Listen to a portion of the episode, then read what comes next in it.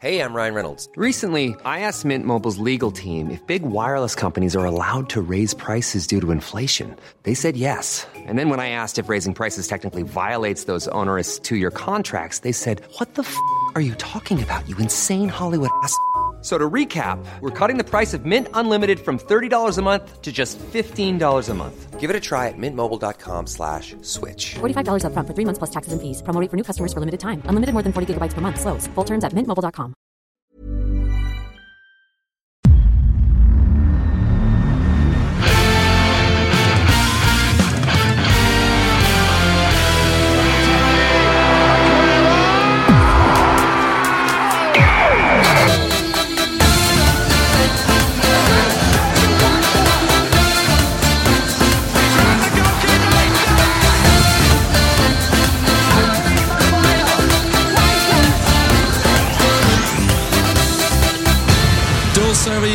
hjärtligt välkomna in i det nya fotbollsåret tillsammans med oss på Rule Britannia. Vi hoppas att alla hade ett riktigt härligt slut på 2023, kom gott in i det nya året och Eh, kanske Fabian ska vi skicka ett extra gott nytt år till alla serieledare där ute. Nej, nej, absolut inte. Absolut, absolut inte. Det, det, det, det blir inget. Det blir inget. Vi stänger 2023 uppe på toppen. Vi kliver rakt ut 2024 och sätter ner foten. Det är en eh, potentiellt mörk vår som eh, väntar dig. Ja men hemskt. Alltså, jag mår genuint dåligt när jag börjar tänka på det här, att ni börjar se så jävla bra ut på riktigt. Och liksom när, när det här mittfältet som ändå har varit där man kanske ifrågasätter mest börjar se riktigt jävla bra ut och McAllister ska komma tillbaka så är det är jävligt oroväckande. Sen har jag svårt, det, det är väl att man ska välja glädjen och det offensiva spelet. Det blir inte glädje för mig, men för, för dig. Att eh, vad man har tagit med sig mest från de här två dagarna sen vi satt senast. Eh, om det är Arsenals kräftgång eller om det är att Liverpool är på riktigt. Jag, eh, jag är väl ganska mycket lika förvånad över båda två om jag ska vara helt ärlig. För även om vi har pratat om att Arsenal inte har sett lika flärdiga ut och liksom att det här med statistiken som du pratar alltså nu är man väl 13 poäng sämre efter lika många matcher med Declan Rice på plan kontra förra året men det ser inte bra ut och de här spelarna som ska göra det offensivt är ja, men i stort sett alla totalt iskalla och även om man liksom vinner matcher på XG så det är något som saknas och det, jag, jag såg det inte komma. Nej, nej. Vi, eh, jag vet inte, vill vi, eh, vi kronologiskt gå tillbaka till eh, vi kan köra Liverpool. nyårsafton? Vill du ha, vill du ha din eh, jävla XG-cross eller? nej, men, nej, ja, nej, men eh, absolut inte. Vi, eh, vi lär få eh, tid att prata om Liverpools liksom, succéstart på, på året ändå. Vi, du, fan, du, du skickade tidigt på, på nyårsafton. Du, du var uppklädd till tänderna. Du var snygg så in i helvete i din smoking. Och så gick du och satte dig på Larrys för att njuta av dubbelskärmen innan kvällen skulle ta vid. blev, det, blev det ett fint avslut på året med, med fotbollen därifrån? Ja, nej, men det, det tycker jag ändå. Det var så här, jag, jag skulle till några kompisar vid, eh, vid 17.30 och bara så här, fan sitta och kolla på matcherna själv hemma? Nej, jag får dra till O'Learys, käka vingar, upp, uppklädd. jag, jag var lite nojig, fan är det smart att ta vingar? Men vingarna ska in när man är på O'Learys. Så det var, det var mysigt att sitta och jobba. Dominic Solanke, två skott på mål och sitta och kolla. Och, eh, ja, det såg det inte komma att Arsenal skulle torska den där och Tottenham, eh, den matchen, konstig match alltså de släpper till väldigt mycket chanser eh, för att liksom, man saknar centrallinjen men samtidigt så får man väldigt maximal utdelning i den här matchen också och vinner till slut ganska tydligt. Så det var, ja, men det var en fin liten, liten dubbelskärm där tycker tyck jag helt enkelt. Jag gillar nyårsmatcher. Jag kommer ihåg United har också spelat några. Jag kommer ihåg att jag kastade sönder min telefon när United spelade 2-2 mot Blackburn om det är typ 2000, 2011 eller eh, någonting. Eh, har någon bild på det? Här. Det är så här klassiska Facebook-minnen när man blir väldigt stolt över sig själv. Nej, men jag kan, jag kan eh, tänka mig en eh, Fabian Jalkemo liksom, som ändå då, 12 år tidigare och, och, lite, lite mindre utvecklat konsekvenstänk med tanke på att jag vet hur förbannad du inombords kan bli än idag och ibland leva ut det. Så, så kan jag tänka mig att både en och annan telefon har rykt genom åren. Alltså, det, det är nog den enda telefonen. Eh, har slagit sönder någon datorskärm när jag spelat FM och sen de här klassiska Playstation-doserna när man spelar Fifa när man var yngre också. Alltså men- FM är ju dessutom, alltså det är ju lite så här slow, alltså gaming ändå på ett annat sätt. Ja, alltså. Fifa och de här förstår jag ju ändå, men det, alltså, det, man ska ändå bearbeta en del innan man väljer att krossa skärmen för ett FM. Alltså, vad är det jag presterar? Det är en sån underprestation liksom. var på gymnasiet när vi hade fått en dator av skolan också. Fick man ju komma med en jättefin eh, fin anledning att eh, skärmen var sönder. Att det absolut inte var jag som hade gjort det. Men det var det såklart. Hoppas ingen på mitt gamla gymnasium lyssnar på det här nu så att jag blir återbetalningsskyldig. Ja, det. Hur, eh, du, jag, hade, jag hade lite mer ögon på, på Arsenal. Det, det var ju Liverpools möjlighet att avsluta året i, i serieledning där ifall Arsenal inte besegrade Fulham. Du, du nämnde i förbifarten att vi jobbade in ett par Solanke-mål, men det var, där var du också, du, eh, du skrev snabbt, liksom, han eh, skapar ju målchanser och han har väl totalt en eh, fem sex skott mot mål. Vi skulle ju ha två på mål, det, det fick vi till slut, men eh, var det ett Tottenham upplevde du som ändå fick, fick någon ordning på det där försvaret? Nu, nu vinner man ju komfortabelt får man ju säga med, med 3-1, men det känns ändå som att man släpper till en del fortsatt. Alltså, det, jag skulle verkligen säga att det är små marginaler i den här matchen. Ehm, alltså Bournemouth, jag är inne och kollar nu, de skjuter alltså 21 skott. Ehm, 24 skott. Ehm, sen är det bara fyra på mål. Så nej, jag skulle säga att snarare är med små marginaler att eh, Tottenham får det där 1-0 målet och sen att man kan ligga mer på försvarsspel. Att man, man är lite mer cyniska än vi har sett tidigare eh, under Arncho. Det, det är väl positivt att han har lärt sig när han har släppt till så extremt mycket chanser när han har saknat de här viktiga spelarna. Sarri gör det väldigt bra, gör mål den här matchen. Och sen så, det, nej, det, blir, det blir tufft nu när, när både Sarbi som och eh, Son ska vara borta. Det, är liksom, det känns som att det kommer kosta mer än eh, vad det nästan kommer kosta för Liverpool, hur bra Mohamed Salah än är. Så små marginaler, men en viktig seger för Spurs som verkligen är med på riktigt nu. De är väl bara tre poäng bakom Arsenal om inte helt fel ute.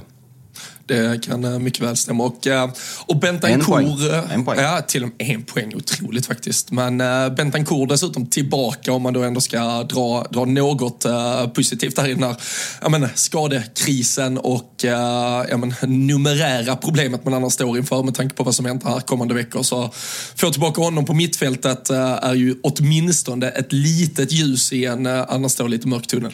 Ja, nej, men absolut. Och eh, vad skulle jag säga? Eh, Richarlisons eh, återuppståndelse är också något att ta med sig för Tottenham-fansen. För han, ja men så extrem fråga så att han gjorde väl tre ligamål eller något förra, förra säsongen. Var, var, om det ens var där, kanske till och med bara var två. Det var helt sjukt. Nu är han ju uppe på en run och liksom eh, snudd på öser in mål. Identiskt mål med Brennan Johnson som gör en väldigt fin assist till honom den här matchen också. Och Richarlison, ja men viktigt. Speciellt nu när Son ska borta, när Madson har borta, att han att han steppar upp och kommer ju aldrig säga att han tar Harry Kanes eh, kläder, men något åt det här hållet i alla fall. Så det är väldigt viktigt att han fortsätter leverera nu när, när Son försvinner på asiatiska mästerskapen. Fan, asiatiska, det har funnits tidigare, alltså på det här sättet. Alltså det, nej, jag, jag minns det inte som en anledning till att spelare försvinner i januari Exakt. i alla fall. Exakt. Uh, så, så Det det känns som funnits, att, men- Ja, men det känns som att det har spelats på sommaren uh, tidigare i så fall. Det är väl i, är det Saudiarabien eller Qatar kanske? Nej, faktiskt ingen aning. jag, jag, jag, jag är rätt så säker uh, uh, att det är där uh, nere någonstans. Ska vi se. Alltså, med, med Son och de här brukar man ju framförallt ha problemet eh, att, eh, att de ska pipa iväg till, till militärtjänstgöring och annat. Men man minns ju inte att han har eh, missat eh, tidigare på grund av mästerskap. Det, det spelas 12 januari till 10 februari här ja. Jo då, och det spelas i vart fjärde år. Framgår inte riktigt om det spelas på sommaren eller på... Men är, är Afcon vartannat år eller? Ja, helt sjukt också. Ja. Alltså, Den här det, För att det känns, det känns som att det är varannat. Och det är samma med Copa America var väl typ tre år i rad någon gång för att det var något jävla jubileum. Bara, vad fan är det här? Ja, Copa America, de körde väl typ något 50-årsjubileum eller något sånt. Sen har de ju börjat väva in nu USA och skit i det där också. Det kommer att bli stökigt. Och så lägger vi på lite klubblags-VM på det. Alltså det och så här, det, alltså du ska ju såklart kunna bygga trupper och du kan ju råka ut för skador som gör att spelare missar tre, fyra matcher. Men, men det var ju extremt, alltså för Liverpools del när man hade både Sadio Mané och Mohamed Salah som man ändå byggde så extremt mycket på i den offensiven. Och då var ju dessutom fallhöjden, om vi säger så, mycket högre ner till spelare där bak bakom. Då var det ju typ att man fick spela Firmino med Origi och Oxlade i en fronttrio istället för att spela Mané och så. Alltså, då blir det ju, alltså det blir ändå en aspekt du måste ta in när du tänker på truppbygget. Har vi två, tre, alltså kan vi vara utan de här två, tre spelarna tre, fyra troligtvis ganska viktiga matcher uh, under säsongen. Så uh, alltså, man har ju suttit, och framförallt, det är väl för två år sedan, det var ju en säsong som visserligen gick bra för Liverpool, men när Senegal och uh, Egypten dessutom gick till final, då är det ju en och en halv månad du, du missar dina spelare eller saknar dem. Så nej, vi får se. Jag kan, kan väl tänka mig att både Sydkorea och Liverpool tappar ju ändå också till asiatiska. Både Japan och Sydkorea bör väl vara lag som skulle kunna gå långt, så då har man ju spelare man som sagt är utan väldigt länge här. Gällande det där, såg du att eh, det nu står klart att eh, Manchester United har lyckats så att eh, Onana ska komma senare till, till matchen?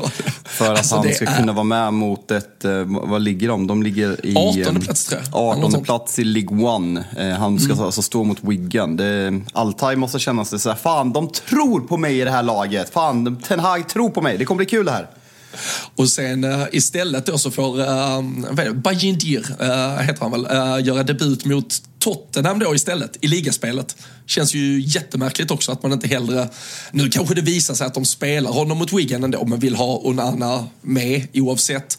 Men det känns ju jättesjukt att ge någon debut i Premier League-match mot Tottenham istället för att göra det mot Wigan igen. På pappret match du ska liksom promenera hem.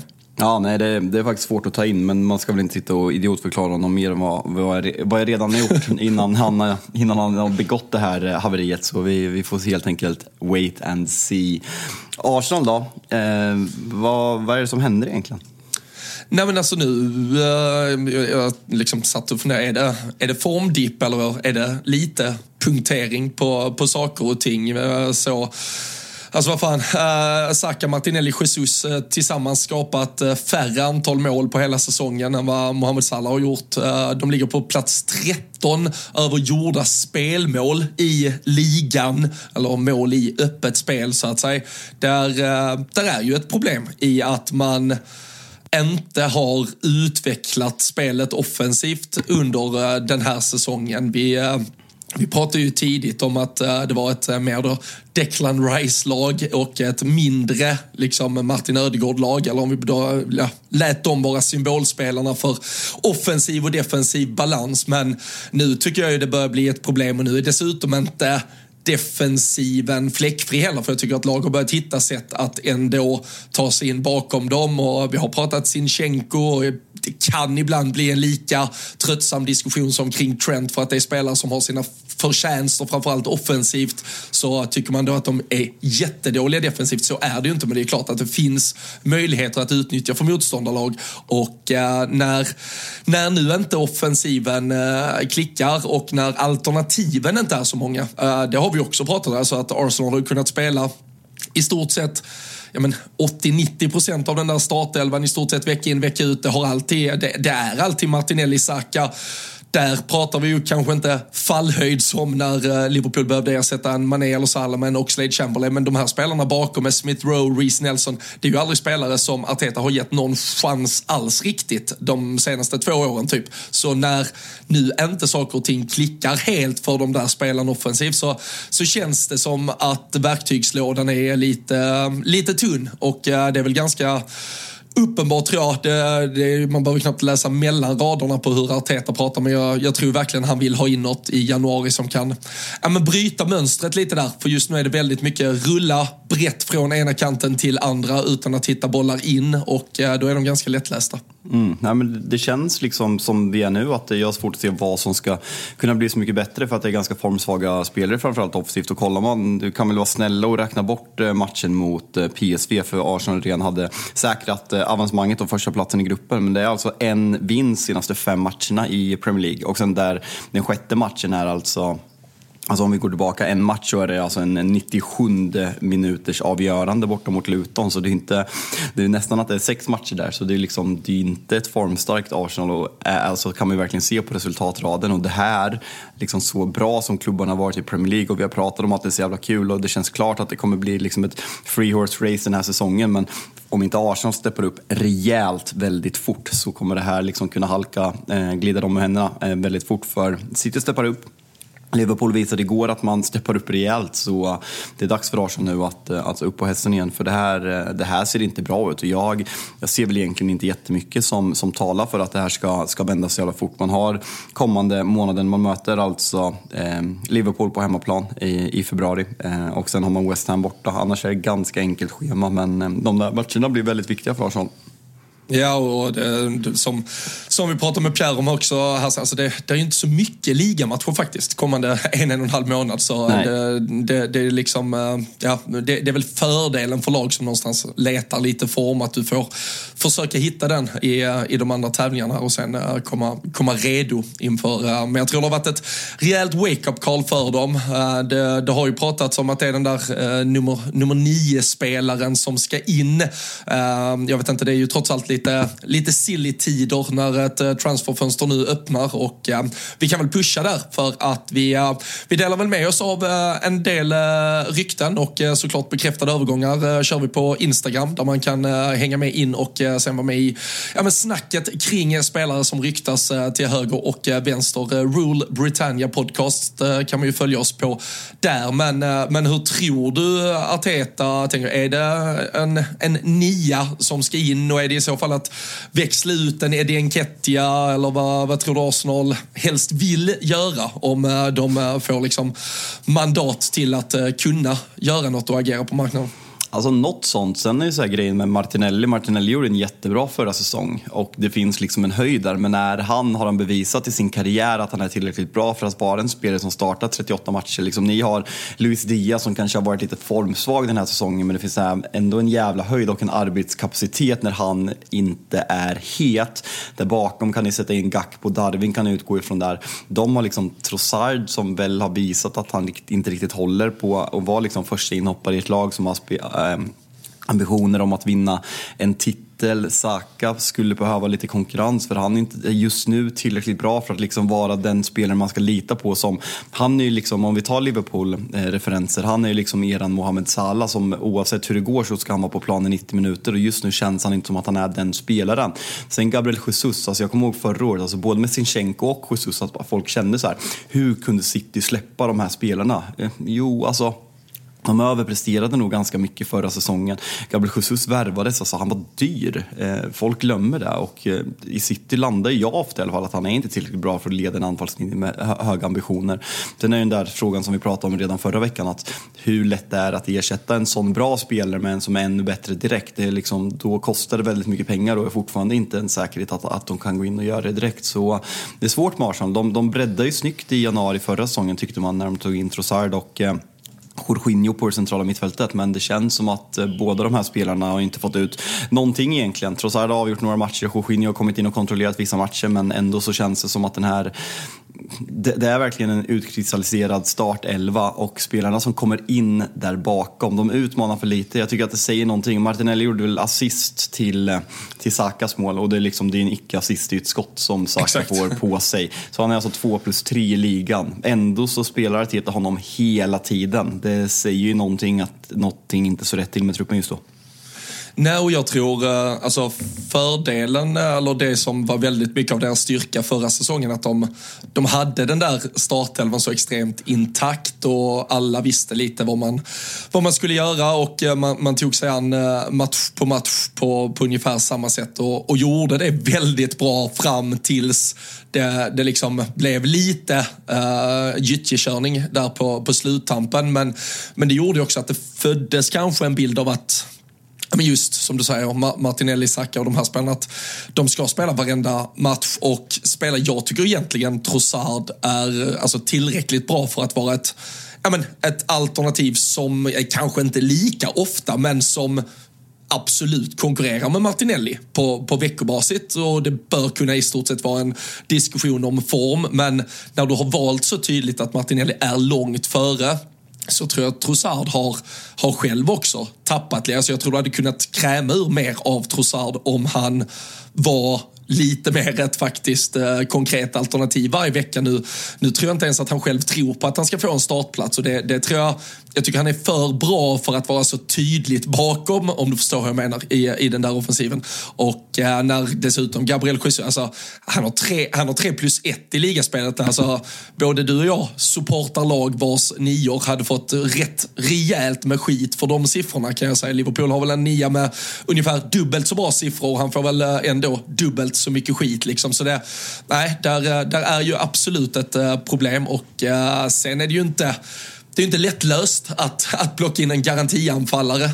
Och liksom, det pratas ju om en, en Osimhen till och med. Alltså, då, då ska du ta en spelare som ska på Afcon nu, nu också och värva honom i januari. Det är svårt att säga att det är det man gör och eh, jag tycker fortfarande inte att de här, om vi pratar Gyökeres-klassen, eh, att eh, prata miljarden där och tro att man får garanterad leverans, det, Ah, jag, jag tror man ska akta sig för att eh, vandra ner på den vägen faktiskt. Alltså, alltså svenska ögonen är ju påkopplade rejält om man tror att Victor Gyökeres efter eh, kommit eh, liksom tvåa i Championship skytteliga och ett bra eh, halvår i en pissliga går före Gabriel Jesus. Då tycker jag att man respekterar Gabriel Jesus väldigt lite. Sen kanske han har en höjd som är högre långsiktigt men jag tror att det liksom ska förändra att Arsenal blir, kommer tillbaka och har nio världsklass på, på en minut. Då tror, då tror jag att man är väldigt naiv. Så nej, svår situation för, för Arsenal och det, det är väl lite om jag får koppla på supporterögonen och vara lite vidrig så den här, den här svansföringen som Arsenal-supportrarna haft det senaste året och liksom, de har pratat om som att de har varit tillbaka här väldigt länge. Det är fint att se dem lida lite, det måste jag ändå få säga.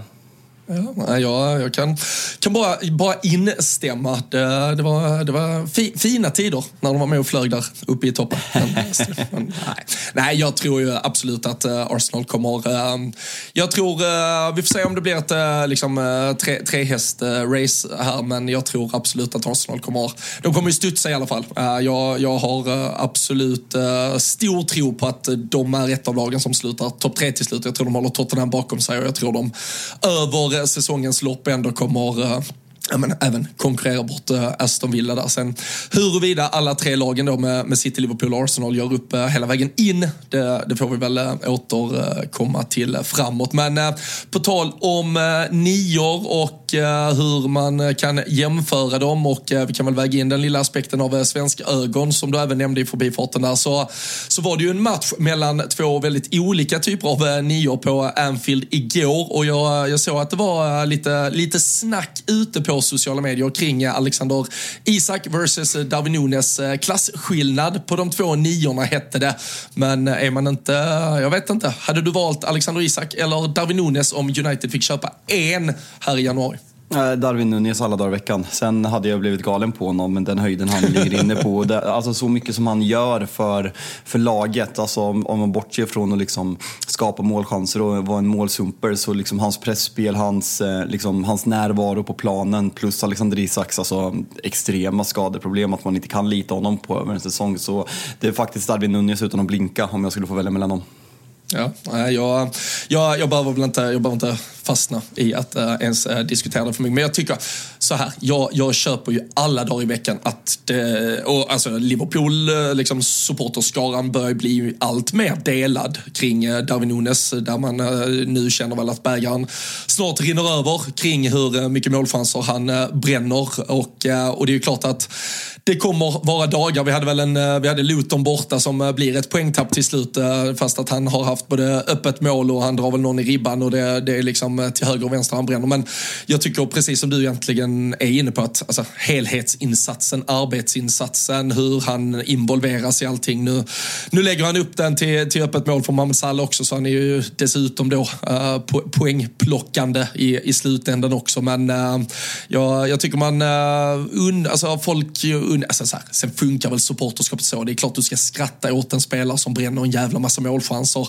om du är motståndarsupporter. Men uh, som, eh, som du är inne på så tycker jag många nog underskattar hur, eh, hur jävla svårt han gör det för eh, motståndarlag. Och i en match som Liverpool i slutändan, eller alltså, vi, vi vinner med 4-2 men vi borde väl ha vunnit med 10-0 så, så är det ju svårt att klaga på eller påstå att laget som blev fullständigt utspelade har en jättemycket bättre anfallare i sitt lag när det var nian i Liverpool som var involverad i stort sett allting. Vad, eh, om vi ska ta matchen, vad, om, du ba, om vi ska börja med, eh, och inte prata Liverpool, eh, vad, eh, vad fan sker i Newcastle? Alltså man kan prata om skador och ja, man har väl varit ganska liksom förmildrande i domen mot Newcastle ganska länge och försvarat Eddie Howe med tanke på den fenomenala första säsongen. Han kom in liksom i januari, räddade dem från, låg väl sist när han kom in och Saudi kom in. Kom ett 3-4 förra säsongen eh, och liksom överträffade alla förväntningar. Spelade eh, eh, final i ligacupen. Men i år, alltså skador absolut, men att det ser så här jävla dåligt ut. Alltså igår är Ja, men det är den värsta överkörningen spelmässigt i Premier Leagues historia visar sig när man bara kollar på XG också. Ja, nej precis. Vi, vi kikade ju på det lite innan vi startade. 7,27 var väl den officiella XG-siffran eh, till slut eh, framåt då att Liverpool skulle göra och eh, det var ju ett 1,4 bättre än det tidigare rekordet och det var ju en match som City vann med 8-0 mot Watford där man hade 5,87 så vill man, liksom, vill man väga in de här siffrorna väldigt mycket då, då, har man ju, då, då har man ju svart på vitt vilken överkörning det här var och även typ utan att vara jätteintresserade av de här siffrorna så, så förklarar de väl någonting av eh, kvalitetsskillnaden där ute och framförallt hur mycket, mycket målchanser. Alltså Dubravka, eh, pratar, pratar vi fantasy-språk så, så fick han väl liksom eh, mer eller mindre rekordpoäng trots att han släpper in fyra mål. Det, det, det säger det. Det är klart en straffräddning dopar det också men han, han räddar ju mycket. Eh, kan tycka att en del är dåligt av Liverpool, en del är bra av honom. Men eh, spelmässigt, alltså Liverpools Alltså man pratar om att liksom skölja över motstånd, just hur vi hela tiden återerövrade bollen och, eh, och hela tiden liksom tryckte tillbaka Newcastle varje gång de försökte andas. Det var, jag, jag, tycker här att Liverpool gör det extremt bra, men Newcastle väljer ju inte riktigt antingen eller här vad de ska göra. Uh, om vi, om vi går tillbaka till... Nej, alltså om vi går tillbaka till vad ni gjorde. Ni, alltså, ni valde ju trots allt en approach som gjorde att ni är det enda laget som har hållit eh, nollan mot Liverpool på hela säsongen. Det här liknade lite det vi, nu är ingen match vi pratar jättemycket om, men när Liverpool mötte West Ham i, i kuppspelet och vann med 5-1 för, eh, för någon vecka sedan. Här där, ja, men där man, man verk, varken eller kommer upp i press eller eh, faller ner och försvarar sin, uh, sin box. Liksom. Så det blev, blev väldigt lätt för Liverpool att trä in bollar bakom. Men uh, Newcastle just nu, man släpper ju in extremt mycket mål. Det är ju inte, det är inte bara här, liksom, utan det är ju i stort sett tre plus varje match senaste veckorna. Och eh, nu, eh, nu har man ju en situation där alltså, ett par resultat till. Eh, nu har man City i nästa match. Eh, Chelsea och Wolves ligger bara varsin en poäng bakom. Man kan ju vara på nedre halvan och eh, det var ändå ett lag som Även om det kanske var för uppskruvat, man ändå pratar om att de skulle kunna slåss om den där Champions League-platsen igen den här säsongen. Nej, men om, om, man, om man pratar om Newcastle och Chelsea och United som kanske är de lagen som man har haft högst eh, för, förväntningar på som, eh, som underpresterar mest. Hur mycket tycker du att man kan prata om, alltså när man ska bedöma Eddie Howe, Pochettino och Erik Ten Hag, hur mycket tycker du att man kan fokusera på, jag har upp en tabell här som liksom är nu pratar vi liksom nördigt, underliggande siffror och så vidare. och så vidare. Newcastle ligger alltså enligt den, eh, den eh, tabellen på femte plats i ligan eh, och har alltså tagit man har alltså tagit 5,6 poäng mindre än vad man ska enligt underliggande siffror. Medan Manchester United ligger på jag tror vi ligger på 14 plats. Vi har alltså tagit 7,22 mer poäng än vad vi har förtjänat. Eh, hur mycket, och Chelsea också, alltså Chelsea också underpresterat sett till underliggande. Man ligger alltså på sjätte plats och har tagit 6,4 poäng mindre än vad man har förtjänat. Hur mycket tycker du att man ska kolla på sådana här saker när man, när man bedömer tränare och lag? För liksom många är ju så att man går korståg att man bara pratar om Manchester United för att det är Manchester United, för att det drar mer klick och att Newcastle och Chelsea inte får lika mycket rubriker. Men jag tycker ju att det här är ju vad man ser på tvn. Alltså Newcastle är ju inte så håglösa och dåliga som Manchester United. De har ju haft några riktigt, riktigt bra insatser den här matchen. Första matchen mot Villa, man kör över United trots det här skadeläget senast i, i början av december och sen hade man bra insatser i Champions League mot PSG och, eh, och eh, Milan på hemmaplan också. Hur mycket tycker du att man ska väga in i det här som jag pratar om?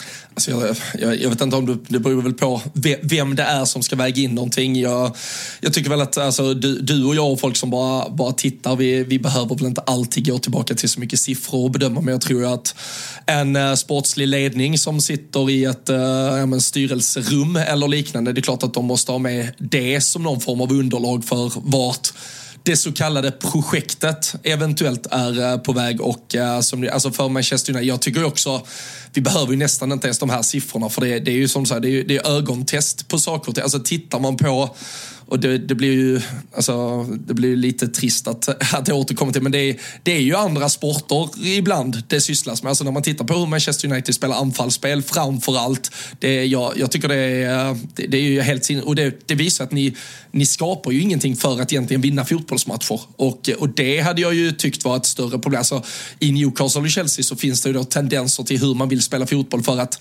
vinna fotbollsmatcher. Sen finns det stora problem. I Chelsea är det ju strukturella problem när man inte har satt någon defensiv överhuvudtaget. I Newcastle kan man väl, och det kan ju ni eventuellt vilja väva in i ert fall också, men i Newcastles fall med skadeproblematiken som har varit de senaste veckorna och månaderna så har ju försvaret lite imploderat där man tidigare var så extremt starka.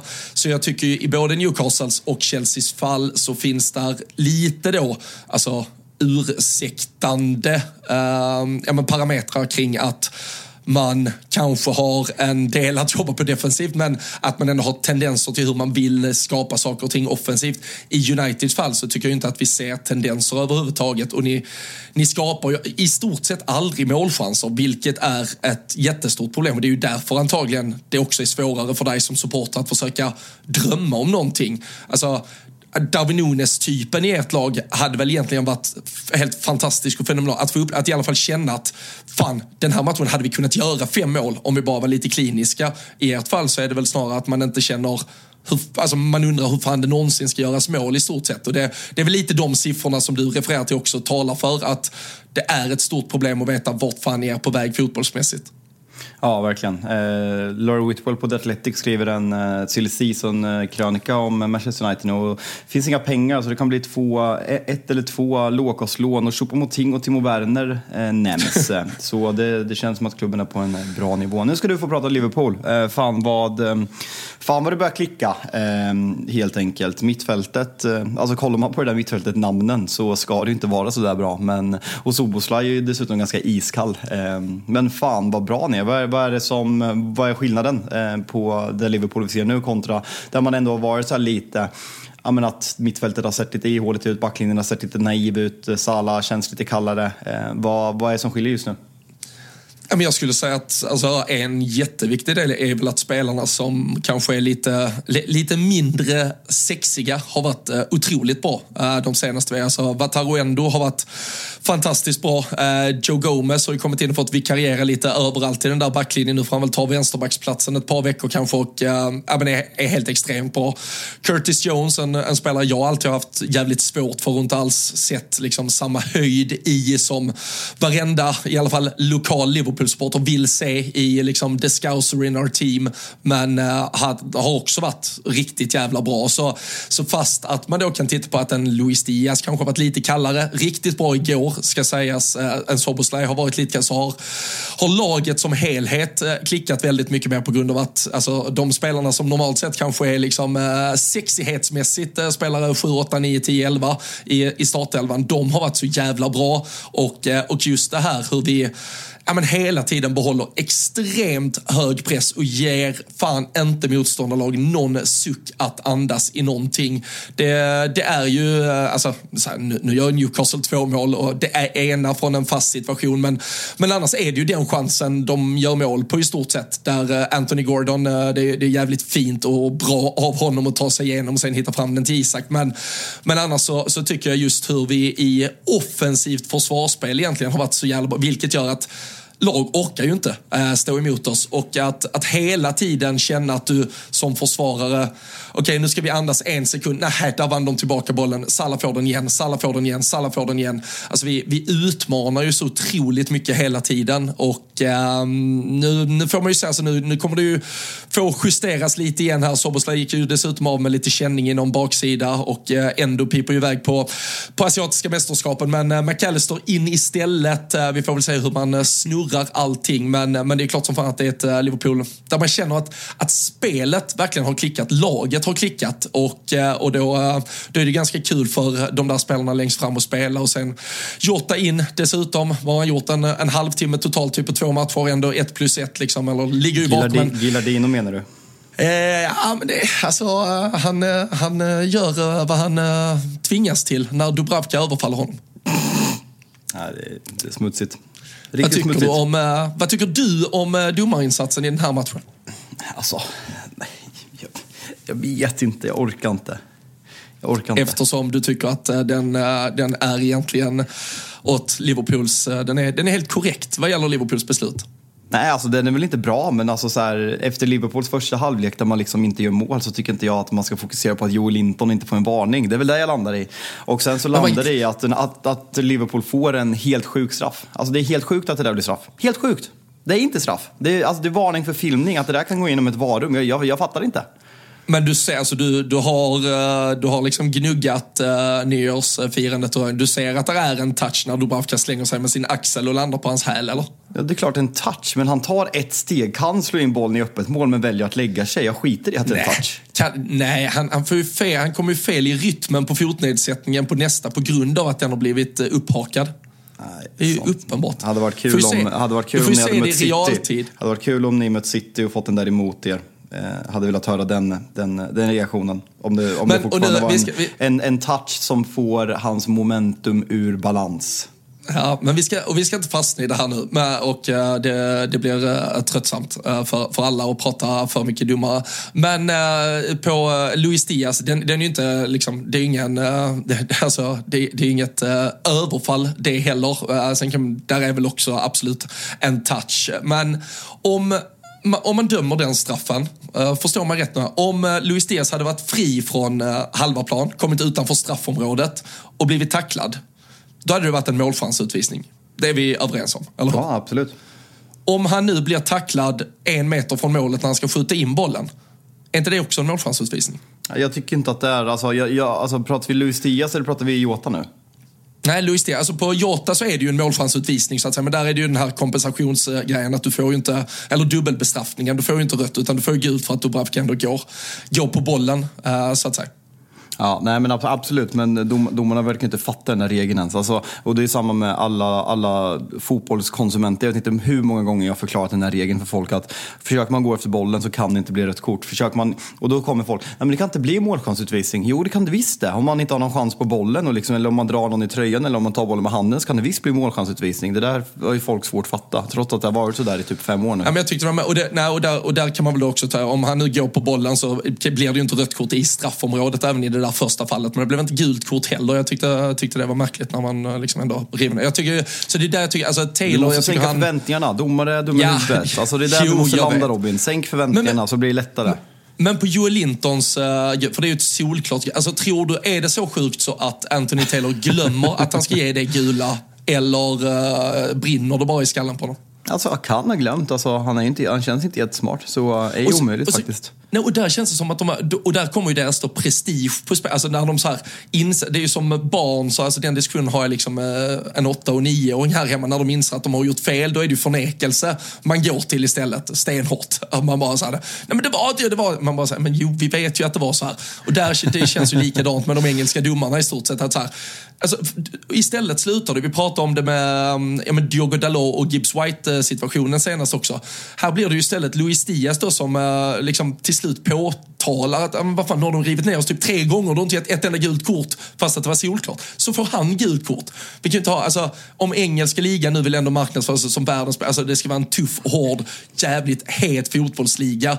Så kan vi inte hålla på att de gula korten ges till de som bara säger till domaren att de är lite kassa på sitt jobb. Medan du kan dra ner och sparka ner spelare istället utan att få gula kort. Det, där tycker jag att, eh, för det är domarna själva ofta som tappar matcherna och sen kompenserar de det genom att då bestraffa massa spelare som klagar på dem med gula kort istället. Ja, nej absolut. Sen, alltså jag vet bara inte vart man ska landa i. Jag, jag, jag var väl bara irriterad igår när liksom ni, gör, ni är helt överlägsna, ni är svinbra, ni missar mycket chanser och fokus på domaren. Man behöver inte fokusera på domaren just igår, det var väl bara det jag kände. Ja, nej, jag håller med dig. Det, det, kan vi, det kan vi försöka men sen vad fan. Det är väl det man går till när man är förbannad i paus. Liksom. Jo, jag, jag jag, pallar, jag pallar inte heller, och jag pallar inte heller såga lag. Alltså, För man är, alltså man är egentligen skit, alltså det är en otrolig insats. Det var ju så här, hade den där matchen slutat 0-0, hade vi inte fått med oss alla tre poäng så är det ändå så här, okej, okay, spelar vi exakt likadant kommande 18 omgångar, då vinner vi antagligen ligan. Alltså det är ja, ett större problem om vi har sämre fotbollsmatcher än att vi inte får in uh, bolljäveln. Men skönt att uh, proppen ändå kom, kom ur till slut. Uh, Mohamed Salah 2 plus 1 uh, trots en straffmiss uh, leder, leder skytteligan, leder assistligan när vi kliver in i det. Eh, det är han väl antagligen va? United hade ju sin trea mot Aston Villa. Eh, men, ja, det är sant. Ja, så det är nog lika nu i alla fall. Ja, det är fortsatt, fortsatt jämnt. Det är ett ja. race vi, vi, vi följer. Tror, tror att United kan springa ifrån nu när Salah är borta några matcher eller? alltså, kanske kan gå liksom ett upp, två upp, något sånt. Efter, vad har, ni har Tottenham först, där, där blir det ju inte mycket. Sen, uh, nej, vi, ni ska nog, alltså, jag tror han kan vara trygg med det. det Vad det har vi? Spurs hemma, Wolves borta. 4 februari det... hemma va? Ja, vi, vi hoppas ju att de uh, ryker tidigt, men det kan nog vara lite senare. Han ah, kan ju okay. missa den också. Det är ju, det är Arsenal-matchen där. Den är ju i fara om de okay. går vidare. Ett, United då, Spurs hemma, Wolves borta, West Ham hemma. Det är ju max två mål. Ja, absolut. Ja, ja. Så, nej, det, eh, Salah kan nog eh, sova tryggt. Jag såg han är eh, först, först spelare i, ja, men i, i, i Liverpool också. Alltså, han har gjort 20, alltså, ja, varit involverad i, i minst 20 mål nu i alla säsonger han har varit här. Thierry Henry och Harry Kane, de, de enda två tidigare spelarna som har gjort det. han, han är också uppe på, det är någon annan lista där det även då är Sergio Aguero och Wayne Rooney. Kommer vi kommer vi prata om, alltså vi, fan vi, vi, klart vi hyllar Mohamed Salah, men eh, det är också en spelare som ändå uh, ibland får uh, liksom, kritik på ett annat sätt. När, när han nu bara kvalificerar in på listor med den här typen av spelare, det, det är Rooney, det är Henri, det är Agüero, det är Kane, det är den typen av spelare. Kommer vi, kommer vi minnas Mohamed Salah om, om några år som, som också en av de där absolut största? Alltså jag tror att eh, det, det, är svårt där. Alltså om jag, eh, det, det, är en lite, kanske lite konstig liknelse, men känslan jag har med Mohamed Salah är lite som Paul Scholes. Alltså Paul Scholes, om du frågar gemene fotbollstyckare så pratar folk all, aldrig om Paul Scholes. Alltså det är alltid Gerard och Lampard för att de var karismatiska, de hade liksom utstrålning på fotbollsplanen, de var väldigt vokabulära, väldigt vältaliga kaptener för sina lag och gillade att synas eh, och ta media. Medan Scholes liksom förhandlade sin egen lön och sket lite i. Alltså kollar man på de andra spelarna som har spelat i de här positionerna som Mohamed Salih har gjort, de siffrorna som han har gjort. Liksom, det är Cristiano Ronaldo, kanske mest karismatisk av alla. Luis Suarez som är karismatisk på extremt många sätt, även om man kanske inte gjorde mycket media i, i England. Eden Hazard, det är Thierry Henry, det är väldigt så här, alltså, spektakulära, eh, visuellt eh, alltså, tilltalande spelare. Medan Mohamed Salah, liksom, svårt att ha en relation till honom. Eh, och därför tror jag att han blir extremt underskattad. För att man liksom, ja men han, man tar honom för givet och han bara är där och han, han gör inte så mycket. Han känns som en jävligt reko kille, men han känns ganska tråkig om man får säga så också. Och det tror jag att, att det är lite dåligt för honom när man ska... Sen tror jag han skiter fullständigt i hur folk ser honom. Det är liksom bara Liverpool-supportrar som kan bli lite frustrerade och att han inte hålls ännu högre, men det är klart att han kommer summeras som en av Premier Leagues bästa spelare genom tiderna och det är bara att kolla statsen. Alltså, det är ingen spelare som har presterat så mycket som han har gjort under en, vad är det nu, fem, sex års period. Han är helt överlägsen där. Ja, nej, men det nej, men det är som sagt det är sjunde, sjunde säsongen där, ja, han, där, länge, han, alltså. där, där, han gör de här uh, siffrorna. Och jag så. Fan vad fort tiden går när man har tråkigt. ja, du har, du har fan inte haft eh, mycket roligt i livet sen uh, Mohamed Salah kom in i, uh, ditt, uh, i ditt liv. Men han var väl första jag såg något.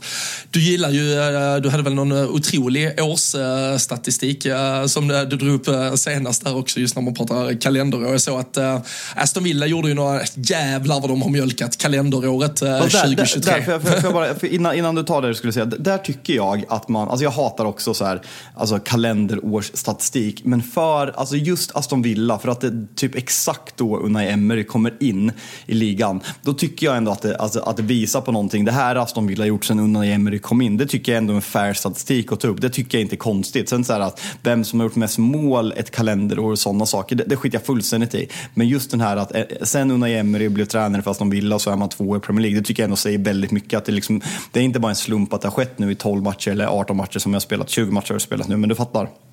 Mm. Ja, men jag, nej, men jag, jag köper väl det också. Det är klart. Alltså, Aston Villa de är också i en uh, position. Alltså det hade varit någonting så här om de typ hade legat åtta den här säsongen och ändå Absolut. försökt mjölka att man hade gjort någonting. Alltså, men vad fan, är du Aston Villa och i konkurrens med eh, de lag som ändå spelar och de ekonomier som spelar i Premier League och du, du ligger där du ligger så kan man väl absolut få, få stanna upp och reflektera och njuta lite av det. Men, uh, nej, men det jag såg där att uh, Salah, han var väl han var den första sen uh, Thierry Henry för uh, 20 år sedan också som stängde ett, ett år i, i England med fem, minst 15 mål, minst 15 assist, uh, 24 plus 7.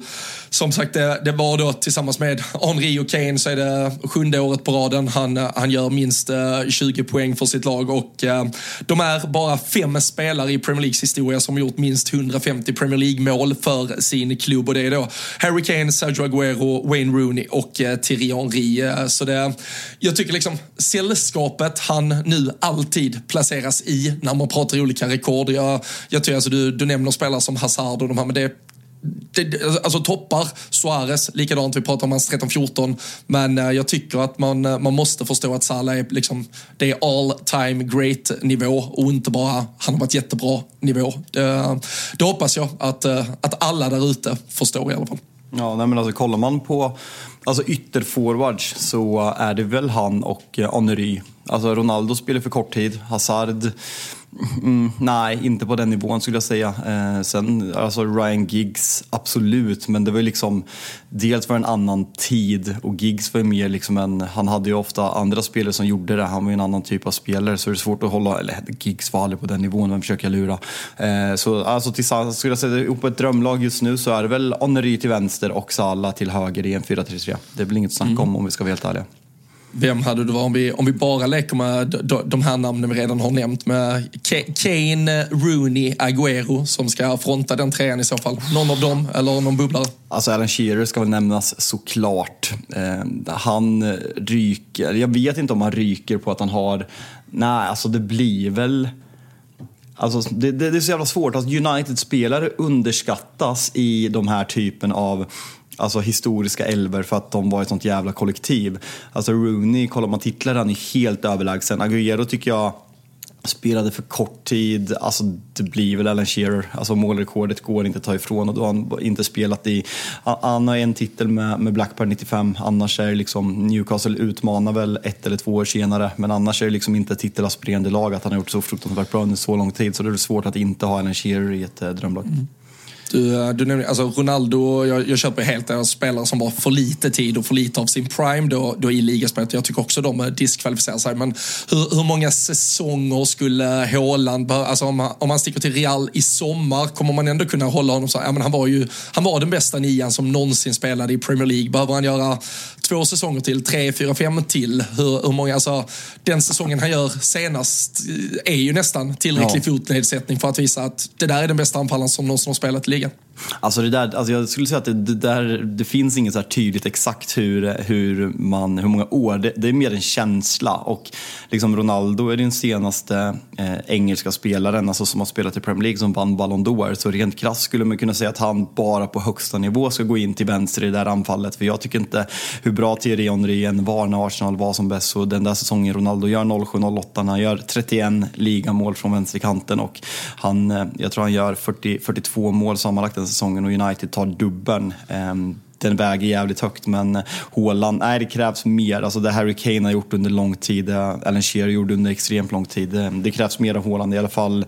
Alltså, skulle säga, alltså under fem säsonger så är det svårt att ta sig in i ett eh, liksom tidernas lag eh, i Premier League. Sen om man liksom skulle göra 40 plus mål för tre år i rad, absolut. Men annars eh, upp mot fem.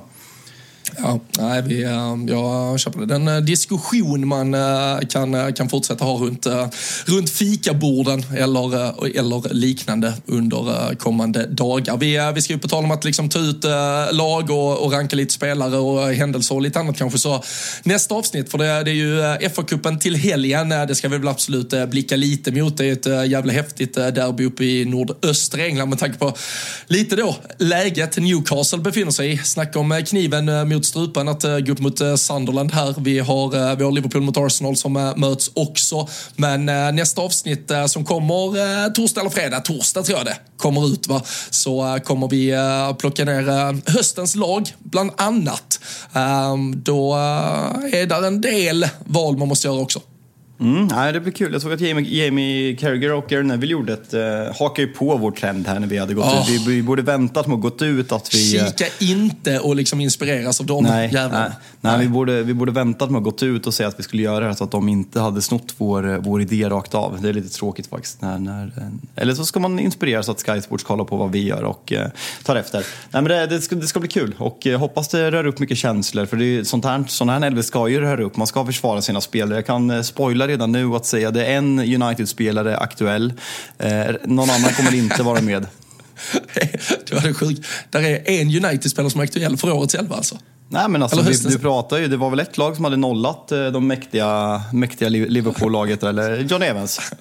Ja, alltså, han, äh, åker vi med en 23-mannatrupp så, så kanske Evans får hänga med som någon Ja, Eva- homeground-spelare. I en 23-mannatrupp är John Evans med, så enkelt är det. Ska vi säga det också, innan vi går vidare, eh, att vi är sponsrade av ATG.se och fan andra raka trippen tack vare Big Dom Solanke som vi var inne på förut. Jävla känsla ändå Robin. Ja, men uh, verkligen. Uh, det var ju, uh, alltså man kände ju nästan att han var klar redan när uh, liksom, uh, Ryn gav sitt, uh, ja, men, uh, sin varma hand på, på den. Att uh, det där kan vi uh, vara vara säkra på, men uh, jobbet skulle göras och uh, riktigt fint att uh, så kan man, kan man sådär liksom, uh, lite läglighetsmässigt få uh, planera ut var man gärna sätter sina tripplar så, så är det väl uh, två gånger i mellandagarna när det kanske tryter lite i kassan. Så uh, fan, uh, riktigt skönt uh, att uh, avsluta året med två satta tripplar och uh, så tar vi full sats med ATG in i det nya, nya året också. Både Big Nine som tuffar på på, på lördagarna framför allt och tripplar som, som kommer framåt också. Lite FA-cup också, så det blir kul. FA-cup Big Nine och FA-cup trippel. Eh, Eller FA, eh, FA-cup, eh, ja exakt, det blir det. Hur, eh, hur mycket liksom, magic of the cup-kille eh, är du? Eh, det, det känns som att vissa lever den fullt ut, att man älskar FA-cupen och vissa är kanske lite mer som jag, att så här, vad fan, det är lördag, jag vill se Premier League-fotboll, jag vill inte se West Ham mot liksom, något jävla rövlag från League 2. Nej, men jag är faktiskt lite, lite åt, eh, åt det hållet om jag ska vara helt ärlig. Jag tycker att det har, alltså skillnaden har blivit för stor. Sen kan det absolut finnas någon charm när de här skrällarna sker. Det, det är jävligt charmigt, men det känns som att det blir mindre och mindre, vilket såklart är, är ganska tråkigt. Men eh, någon, någon charm finns det såklart i, i, eh, i FA-cupen fortfarande, även om det blir mindre och mindre. Eh, så, Och, nej. och skulle, skulle Wigan slå ut er så kanske jag sitter här med annan inställning eh, Ja, nästa ej, vecka. ej, ej dumt. Jag koll- jag kollar nu Solanke, Solanke, sju skott sköt han. Två på mål, så man, man var lite nervös där. Men som sagt, det var, det var ett bra spel. Det var, den såg vi klar sig inte när, när han skjuter sju skott liksom. Ja, jag, jag hade faktiskt ett litet uh, spel på uh, Trent att uh, skjuta, och då behövde det inte ens vara på mål, bara att han skulle skjuta över två skott igår. Det kan jag säga, det, jag tror det satt efter sju minuter eller någonting. Det, De det var där är- också pulverisering. De är jävligt roliga att jobba de här skottspelen. Det blir så att en, alltså de här klassiska 1, X, 2, liksom, de är i all, i all sin ära. Men alltså en match som man egentligen inte bryr sig om och har lite skottspel, det är jävligt roligt. Mm, nej, verkligen. Och eh, vill, man, eh, vill man spela på skottspel eller något annat så eh, ATG.se finns alltid där. Går man till uh, slash tutto direkt så kommer man till just Big Nine och tripplar och annat som vi väljer ut. Det gäller såklart att man är 18 år om man ska spela. Skulle man ha problem med spel så finns stödlinjen.se. Jag tänkte bara lite avslutningsvis på tal också om Trent Alexander-Arnold och skott. Scott eh, var du, eh, var du lite rädd att Garnachos eh, årets mål skulle ryka när han tryckte upp den från sidlinjen i bortre klykan? Nej, det hade inte varit nära. Alltså, hade den suttit så är det ju årets mål. Nej, det är vi väl sluta, rätt. Sluta, sluta. Det är ju, det är ju ett tekniskt fan så mycket. Alltså det, är, det är ju Roberto Carlos som någonsin har lyckats med den typen av mål. Ja, nej, nej. Garnacho. Fy fan. Nej, det hade varit årets mål. Alla jävla kategorier och eh, hade väl varit trist för alla som ville slåss om den eh, titeln att eh, det hade kommit 1 januari. Men eh, så, eh, så funkar det när man eh, heter eh, Trent. Men eh, nej, fy fan. Den skulle suttit i krysset. Nej, det, det, det, det tackar vi för helt enkelt.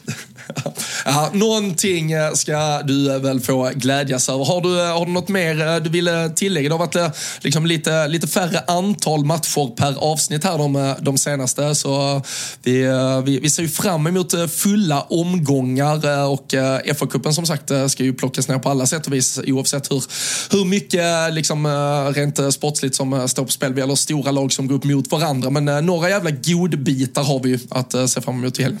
Ja, nej, det blir kul. Alltså ta ner eh, kvällens heta match. Nej, jag skojar. Nej, men alltså West Ham och Brighton är ändå en ganska fin, alltså en ganska trevlig finsmakarmatch. Du, du eh, minns hur det gick senast, Fabian? Eh, nej. David Moyes masterclass eh, hade väl just 13 procent bollinnehav, ja, vinner med 3-1 på bortaplan. Just det är dags igen. Just att sätta ner foten. Jag är fan taggad på den här matchen.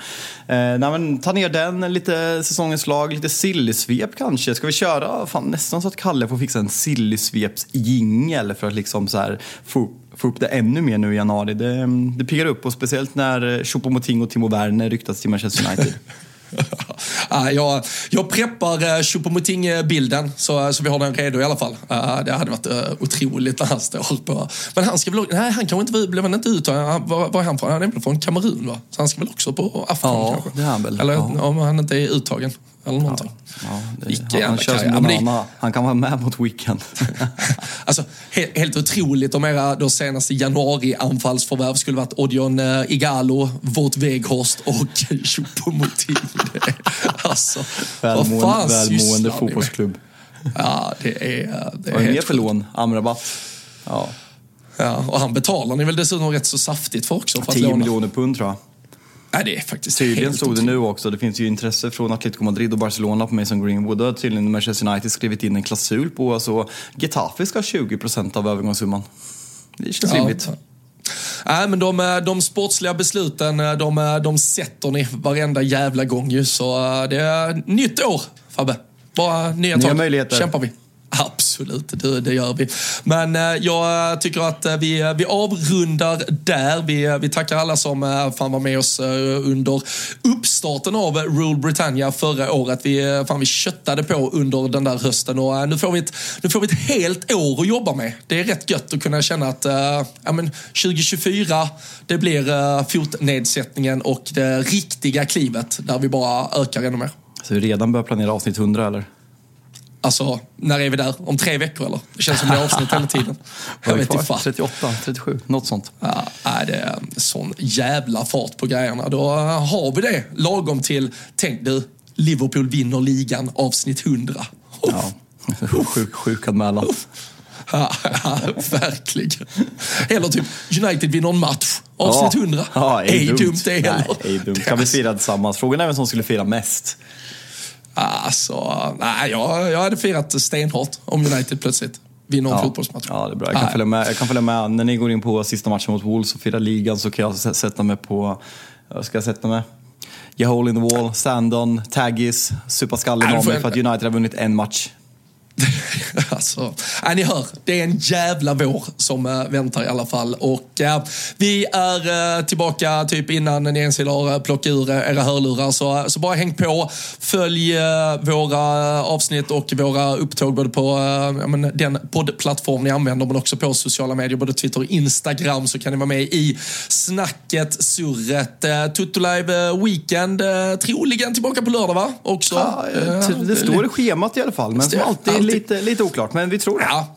Ja, man, man håller koll. Eh, prenumerera på YouTube där och så kommer ju podden i eh, samma poddflöde som detta om ni inte har eh, koll på det sedan innan. Så mycket som väntar. Fotbollen den gasar bara på. Vi säger ja, men stort tack för att ni lyssnar. Vi önskar en skön start på 2024 och så hörs vi snart igen.